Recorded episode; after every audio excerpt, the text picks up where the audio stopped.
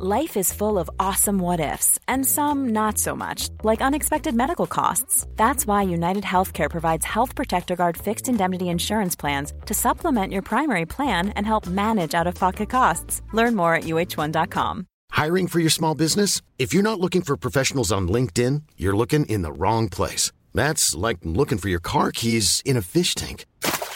LinkedIn helps you hire professionals you can't find anywhere else, even those who aren't actively searching for a new job but might be open to the perfect role. In a given month, over 70% of LinkedIn users don't even visit other leading job sites. So start looking in the right place. With LinkedIn, you can hire professionals like a professional. Post your free job on linkedin.com slash people today. Hey, it's Danny Pellegrino from Everything Iconic.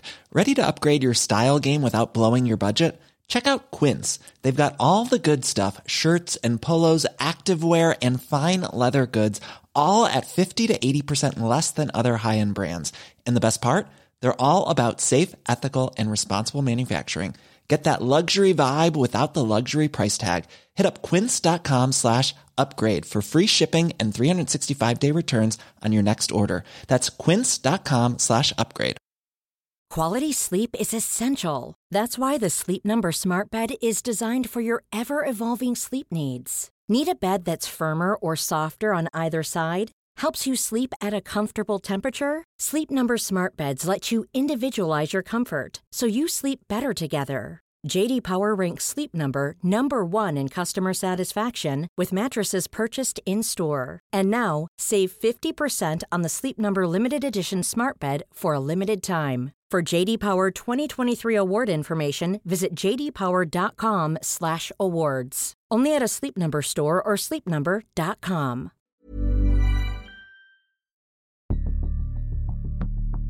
Året är 1863. En ny industri är i sin linda som kan komma att förändra samhället i grunden.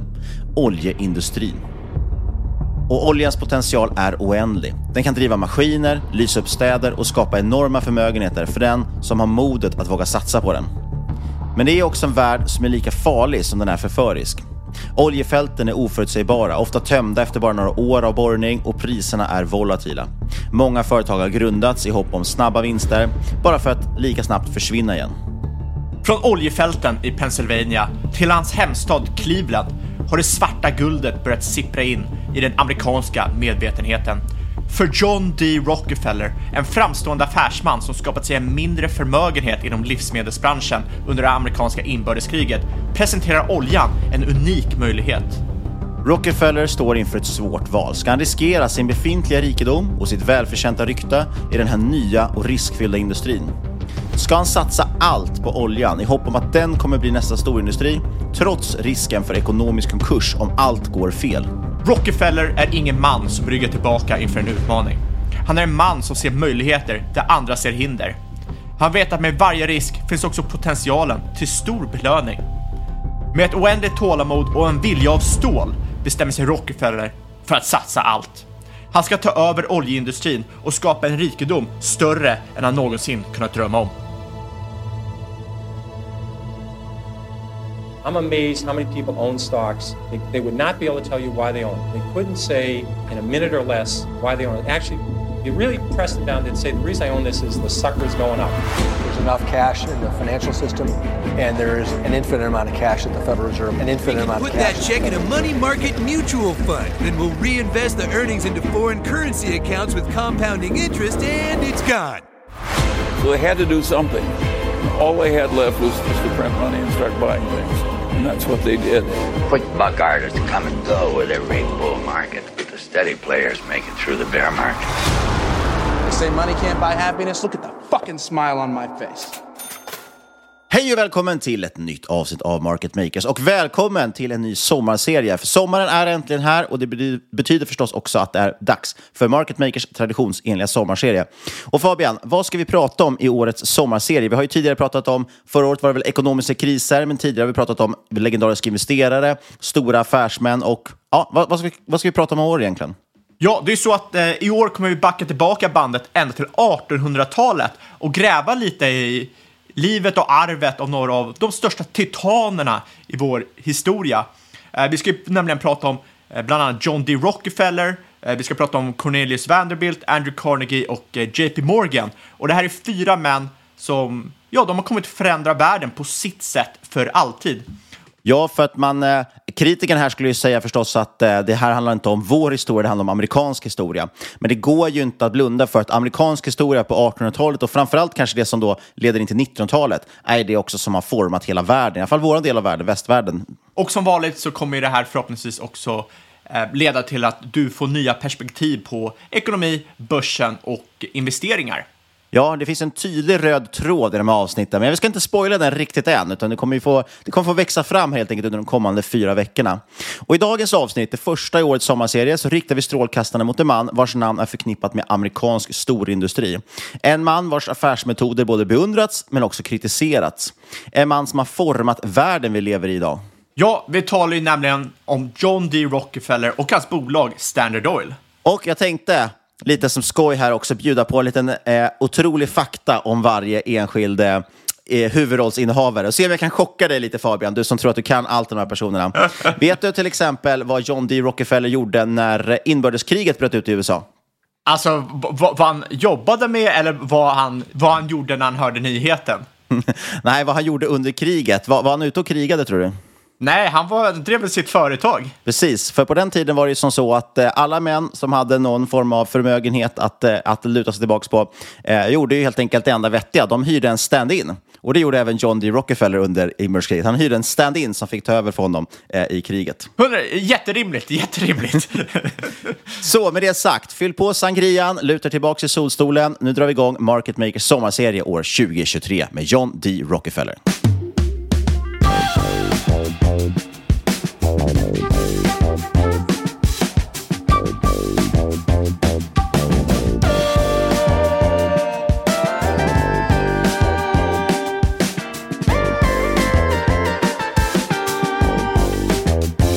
John D. Rockefeller, eller som han ju faktiskt hette, John Davison Rockefeller, föddes den 8 juli 1839 i Richford, New York. Hans far var en ganska bisarr och svårfångad individ. Eh, en man som var lika benägen att sälja falska hälsoprodukter som att försvinna på oväntade affärsresor må månader i sträck. Eh, han var även känd för att han låtsades vara döv för att få gratis måltider på olika härbergen. Eh, och han utgav sig även för att vara doktor ibland. Eh, men John D. Rockefeller, då, hans son helt enkelt, blev redan som ung väldigt rak och seriös person. Kanske lite som en motreaktion på sin vilda pappa. Men också tror jag från hans mor, som var väldigt stark och from metodist. Och hon verkade ha väldigt stor inverkan på den unge John. Och från sin mamma lärde sig Rockefeller värdet av pengar och vikten av att arbeta hårt och att leva sparsamt. Och de här tidiga lärdomarna kom att prägla hans syn på företagande och pengar i stort och la också grunden till hans affärsframgångar senare i livet. Ja, det var ju så att eh, den här knapra uppväxten som Rockefeller hade eh, innebar att liksom, han, han kände en väldigt stor men kortvarig lycka då det faktiskt fanns mat på bordet och räkningarna kunde betalas för en gångs skull. Och det gjorde ju att han väldigt tidigt bestämde sig att hans mål i livet var att tjäna pengar. Eh, han ville helt enkelt skapa ett annat typ av liv, både för sig själv och för sin familj. Och som tur var så hade Rockefeller en naturlig talang för både affärer och finanser. Och det här var en talang som började visa sig redan i hans ungdom. Han fick sitt första jobb som assisterande bokhållare, eller redovisningsekonom som vi kanske skulle kalla det idag. Vid 16 års ålder var det här och det var för ett handelsbolag och där började han lära sig detaljerna om affärsvärlden, hur ett företag funkade och så vidare. Och när Rockefeller var 19 år fick han sin första känsla också för entreprenörskap då han tillsammans med en affärspartner bildade sitt egna handelsbolag. Strax innan just det amerikanska inbördeskriget bröt ut. Kriget visade sig vara en guldgruva faktiskt för bolaget och Rockefeller tjänade en smärre förmögenhet på det här, om än på mycket mindre skala än vad som skulle komma senare i livet. Samma år som Rockefeller bildade sitt handelsbolag så blev Edwin Drake i Pennsylvania faktiskt den första mannen att framgångsrikt borra efter oljan. Och olja på den här tiden användes främst för att få fram fotogen för belysning och uppvärmning av hemmet. Fotogenet var lite av en revolution eftersom det här innebar att allt fler hade råd att belysa sina hem. Det här var tidigare främst Ja, det var ju reserverat för de mest välbärgade i samhället, till exempel via valolja som var väldigt, väldigt dyrt. Och det här innebar ju också startskottet för en helt ny amerikansk industri. Ja, nu så här i backspegeln så ser det ju solklart ut att oljan skulle bli en stor industri, men innan bilrevolutionen och allting så visste man ju inte att, att oljan skulle ha sån pass potential. Som du säger, det var framförallt kanske för belysning man såg en, en stor liksom, eh, stor potential. Men Rockefeller såg att det fanns någonting i oljan och att oljeindustrin var någonting han borde satsa på. Han förstod att de här stora pengarna, de skulle inte tjäna sig själva borrningen dock, utan i raffineringen av oljan, alltså att förädlingen av oljan. Fyra år efter Drakes framgång i Pennsylvania så, så slopar Rockefeller sitt nuvarande handelsbolag och startar istället ett oljeraffinaderi i Cleveland. Eh, som Charlie Munger en gång sa, “When odds are greatly in your favor, bet heavily”. Rockefeller såg en stor möjlighet och satsade också stort och därmed riskerade allt. Ja, och det var egentligen tur att han gjorde det, för företaget växte otroligt snabbt. Inom två år så ägde Rockefeller det största raffinaderiet i Cleveland, som vid den här tidpunkten var tillsammans med Pittsburgh, Pennsylvania och New York lite av huvudcentrumet för raffineringsindustrin. Men Rockefeller var såklart inte nöjd med att bara vara en aktör inom oljeindustrin. Han ville dominera den. Och 1870 gick Rockefeller tillsammans med flera andra affärspartners, bland annat hans bror, för att bilda Standard Oil. Och det här markerade egentligen början på en resa som skulle förändra oljeindustrin och forma det amerikanska affärslandskapet för alltid. Då var Rockefeller endast 27 år gammal. Vilken prestationsångest man får. Verkligen. I Standard Oils grundande var oljepriset dock allt annat än stabilt, vilket ju var ett stort problem förstås. Eh, då som nu så var oljeindustrin väldigt cyklisk. Den lider av så kallade boom and bust-cykler, där spekulation i oljan och rikedomarna det kunde skapa ledde till ett stort överutbud för man borrade för mycket, vilket då fullständigt krossade fotogenpriserna och helt enkelt fick bolaget gå i konkurs. Enligt Rockefeller själv gick 90 procent av producenter och raffinaderier med förlust. Trots det här så fortsatte dock oljan att pumpas. Och Det finns ett citat här från Rockefeller som summerar problemet ganska väl. Oftentimes, the most difficult competition comes not from the strong, the intelligent, the conservative competitor, but from the man who is holding on by the eyelids and is ignorant of his cost, and anyway, he's got to keep running or bust. Och här tycker jag att det finns en ganska tydlig koppling kanske till de senaste åren då vi levt med en, en enorm en lågräntemiljö som gjort att just värderingar och framförallt lönsamhet inte spelat någon som helst roll när du drivit företag. Vilket gjort att konkurrenterna har inte varit liksom långsiktig, långsiktiga, sunda, lönsamma bolag utan de olönsamma bolagen som bara springer på och får riskkapital och kan konkurrera ut de här eh, långvariga företagen. Exakt, det är det eller går under och det var lite så det var i oljeindustrin också. Och Rockefeller, han förstod ju det här och han förstod att hans egna framgång var hotad. Och därmed började han smida planer för hur han skulle kunna dra ner på överkapaciteten, stabilisera priserna och rationalisera hela marknaden. Och för det här behövde han äga hela industrin.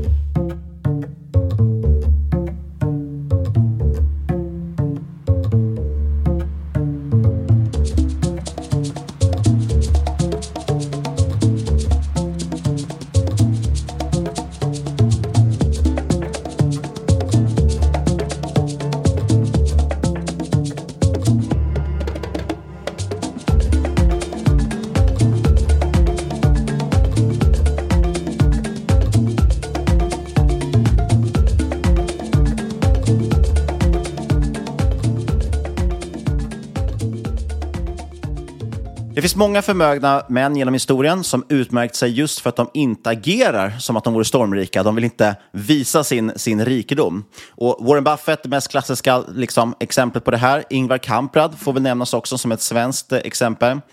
Rockefeller var inte heller någon liksom vräkig man. Han var som sagt uppfostrad i det här äh, ganska strikta kristna sammanhanget. Och eh, troligtvis också för att han levde i den här knapra liksom, ungdomsdagarna också. Han ansåg dessutom att det var en av de största synderna eh, att ha ett liv fyllt av prokrastinering, skvaller och just lyx. Och Det här synsättet, att inte spendera pengar i onödan, det spreds också till hans företagande och till Standard Oil. För Rockefeller var manisk i att utrota ineffektiviteter och kostnader i företaget. Och Ett typexempel på det här och på Rockefellers effektivisering var när han fick reda på att varje fat olja slöts med 40 droppar lod. Rockefeller testade att endast använda 38 droppar Resultatet då var att ett fåtal fat läckte, så det dög inte. Men då testade han istället med 39 droppar och då läckte inga fat. Och det här kan ju låta liksom, som larviga detaljer, en liten droppe mindre. Men den enda droppen lod som Standard Oil kunde eliminera besparade Standard Oil cirka 2 500 dollar per år. Eller då, omräknat till dagens penningvärde, cirka 60 000 dollar per år. Och allt eftersom Standard Oil växte, desto större blev besparingar från den eliminerade droppen, hundratusentals dollar sammanlagt. Ja, och den här typen av effektivisering gjordes i varje hörn, varje vrå av eh, Standard Oil. Och under sin tid vid rodret så halverade Rockefeller kostnaderna för raffinering.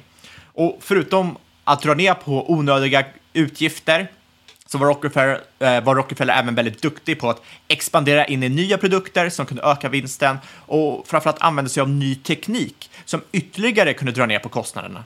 Musik. Kör nästa det. Rockefeller insåg tidigt att lägst pris vinner och en kritisk faktor för priset på olja och fotogen är transportkostnaden. Rockefeller började förhandla fram hemliga rabatter, upp till 50% rabatt, med järnvägsbolagen för att säkra billigare transport eh, för sina oljeprodukter. Och kom ihåg att det här var innan pipelines kom in i bilden, så det enda sättet att frakta olja, det var med tåg och båt. Och Rockefeller lyckades även, förutom rabatter, förhandla sig till kickbacks eh, när järnvägarna eh, transporterade konkurrenternas olja. Så de fick pengar, eh, Standard Oil fick pengar när konkurrenterna använde järnvägsbolagen. Det är rätt otroligt. Och inte bara pengar, han fick också information om konkurrenterna. Till exempel hur mycket olja de transporterade, till vilket pris och vart de skickade det. Eh, och vi kommer återkomma till det här senare, men det här med inside-information var ju inte riktigt någon eh, stor grej på den tiden, eller det ansågs inte som någon sak, utan alla använde inside-information. Idag hade det här nog varit mycket tydligare reglerat. Men det man kan undra så här, framförallt, är varför järnvägsbolagen gick med på det här upplägget. Ja, för det första var Standard Oil det största raffineringsbolaget eh, och det betyder ju såklart högre volym. Järnvägsbolagen föredrog en hög och återkommande volym som ja, helt enkelt fyllde tågvagnarna snarare än att ha att göra med sporadiska transporter med halvtomma vagnar. Rätt många som kan förstå det här tror jag. Eh, att kunna garantera den här volymen var väldigt viktigt för att kunna förhandla fram den här dealen med järnvägsbolagen. Dessutom hade Rockefeller ett S i rockärmen och det här visar rätt mycket på hans eh, genialitet och hur före han var många av sina konkurrenter. Och det var att han hade taktiskt placerat sina raffinaderier längs kusten, eller i alla fall nära kusten. Och det här var något som var väldigt ovanligt på den här tiden eftersom det innebar längre transport från borrplatserna till raffinering. Och då kan man ju liksom instinktivt tänka att ja, det är ju taktiskt dåligt för det kostar ju mer att transportera.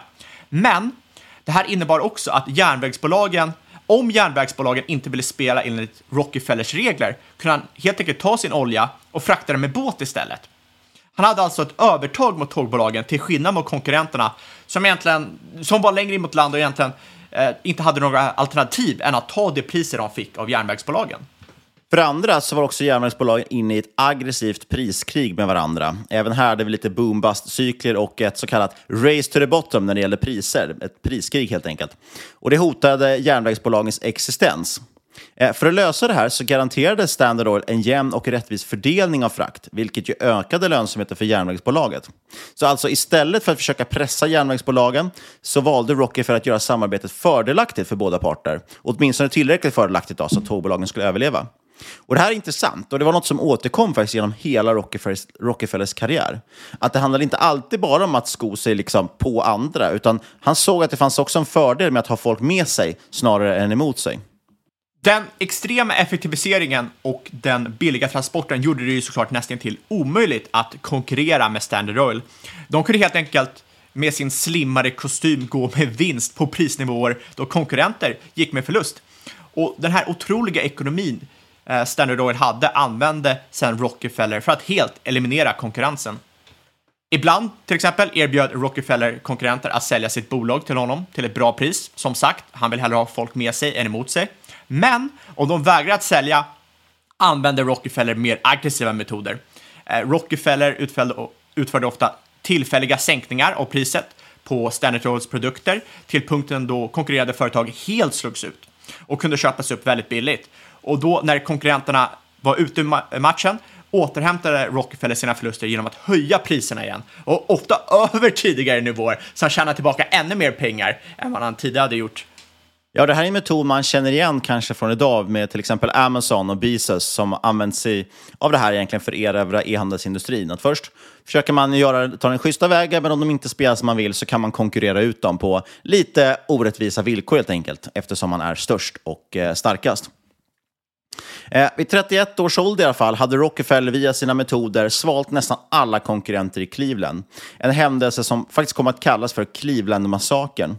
Och endast fem år senare hade Rockefeller gått från att monopolisera Cleveland till att monopolisera egentligen hela världens fotogenmarknad. Vid sin peak så kontrollerade Rockefeller och Standard Oil 90 procent av världens oljeraffinering. Och över tid så spred sig Standard Oil till att inte bara raffinera olja, utan till att kontrollera hela värdekedjan, från borrning till raffinering till distribution och försäljning. Och genom att äga och kontrollera hela värdekedjan kunde Rockefeller ytterligare dra ner på interna kostnader.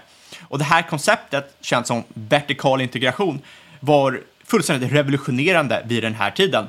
Och eh, 1897 bestämde sig den då 58 år gamla Rockefeller att lämna över tyglarna vid Standard Oil och gå i pension. Och det betyder alltså på 30 år har han skapat det här äh, världsdominerande monopolet som han grundade vid 27 års ålder. Det som är intressant här, det här var ju precis i startgropen på en ny revolution som skulle göra Rockefeller långt rikare under sin pension än under tiden vid rodret för Standard Oil. Ja, vi pratar nämligen om bilrevolutionen. USA blev snabbt världens största bilmarknad och det gynnade såklart även landets största oljebolag.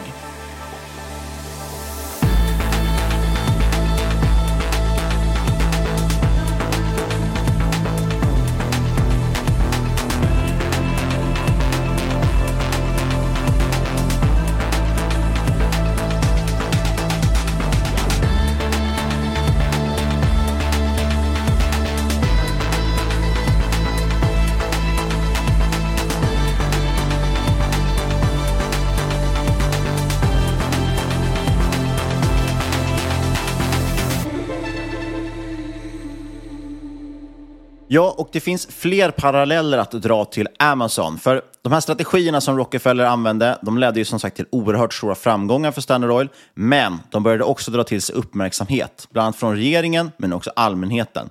Många ansåg att Standard Oils dominans hindrade fri konkurrens och att det manipulerade marknaden till företagets fördel. Rockefeller han hävdade ju att hans företag agerade i god tro och att samhället tjänade på att ha en pålitlig försörjning av billig olja. Men ja, precis som med Amazon så ser man ju också problemen som uppstår när ett företag har monopol och ja, kan helt enkelt konkurrera ut nästan vem som helst bara på storlek. Tidigt som 1887 började den amerikanska regeringen utreda Standard Oil för att vara just ett monopol. Men det skulle dröja över nästan två decennier innan de här utredningarna faktiskt resulterade i konkreta åtgärder. 1906 stämde regeringen Standard Oil för att ha brutit mot Sherman Antitrust Act. Och det är egentligen en lag som förbjuder monopol. Eh, fallet tog fem år att eh, avgöra och slutade med att högsta domstolen dömde Standard Oil till att upplösas. Och här är det intressant. Idag har vi en stor diskussion om framförallt Google, eller Googles moderbolag Alphabet, och att om det är ett monopol och om det borde brytas upp i separata bolag. För att till exempel Google sök, YouTube, Chrome och så vidare eh, stärker varandra för mycket. Det intressanta är att samma diskussion fördes om Standard Oil och Standard Oil resulterade just i att det delades upp i 34 separata företag, varav många fortfarande är aktiva idag. Vi känner igen namn som ExxonMobil, BP och Chevron för att nämna några. Och Det intressanta är att när det gäller just Alphabet och deras uppdelning så diskuteras det mycket om, är det här negativt för bolaget? Det ses ofta som en risk, medan många hävdar att det snarare skulle vara positivt, man helt plötsligt skulle frigöra värden eller synliggöra värden av till exempel YouTube och så vidare. Och Tittar man då på Standard Oil så var det så att trots den här påtvingade uppdelningen så var Rockefeller fortfarande en av världens rikaste människor. Men dessutom så visade det sig också att hans rikedom fortsatte accelerera efter uppdelningen av Standard Oil. Och hans inflytande inom oljeindustrin och det amerikanska affärslivet var långt ifrån över. Trots, eller kanske på grund av hans affärssuccéer och de kontroverser som omgav dem, blev Rockefeller en av historiens mest framstående filantroper. Eh, hans syn på rikedom eh, som påverkat Hans syn på rikedom, som utan tvekan påverkats av hans religiösa uppfostran, ledde honom till att ge bort en väldigt signifikant del av sin förmögenhet. Under sitt liv gav Rockefeller bort mer än 500 miljoner dollar vilket motsvarar över 100 miljarder kronor i dagens penningvärde. Helt klart en ofattbar summa vid den tiden, även, var, även en relativt ofattbar eh, summa i, idag. Men pengarna kunde inte rädda honom från döden. Trots alla dessa pengar och alla pengar som han skänkte bort så dog John D. Rockefeller ändå, som alla dödliga. Den 23 maj 1937 avlider John D. Rockefeller. På endast 30 år hade han lyckats bygga upp ett av de mest dominerande företagen som världen någonsin skådat. Hans förmåga att bygga ett imperium som kontrollerade en hel industri förändrade faktiskt helt och hållet hur företag bedrevs och Standard Oils metoder för vertikal och horisontell integration är än idag praxis inom många branscher. Så trots att han dog för nästan 100 år sedan så ekar hans arv än idag.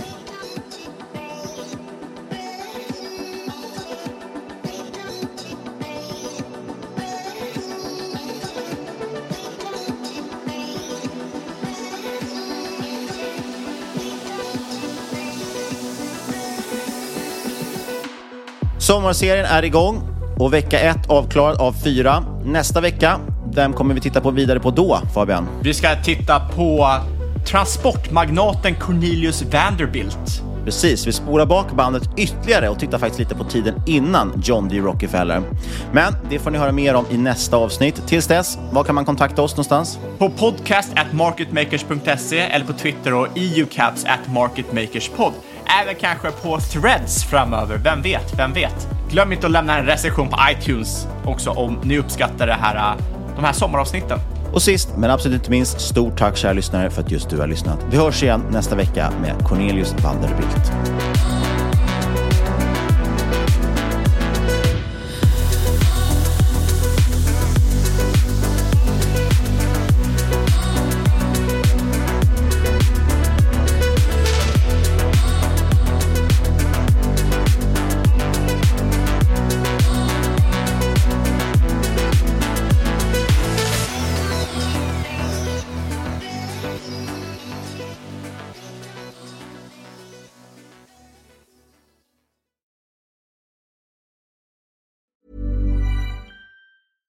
Mom deserves the best, and there's no better place to shop for Mother's Day than Whole Foods Market. They're your destination for unbeatable savings, from premium gifts to show-stopping flowers and irresistible desserts. Start by saving 33% with Prime on all body care and candles. Then get a 15-stem bunch of tulips for just $9.99 each with Prime. Round out Mom's menu with festive rosé, irresistible berry chantilly cake, and more special treats. Come celebrate Mother's Day at Whole Foods Market.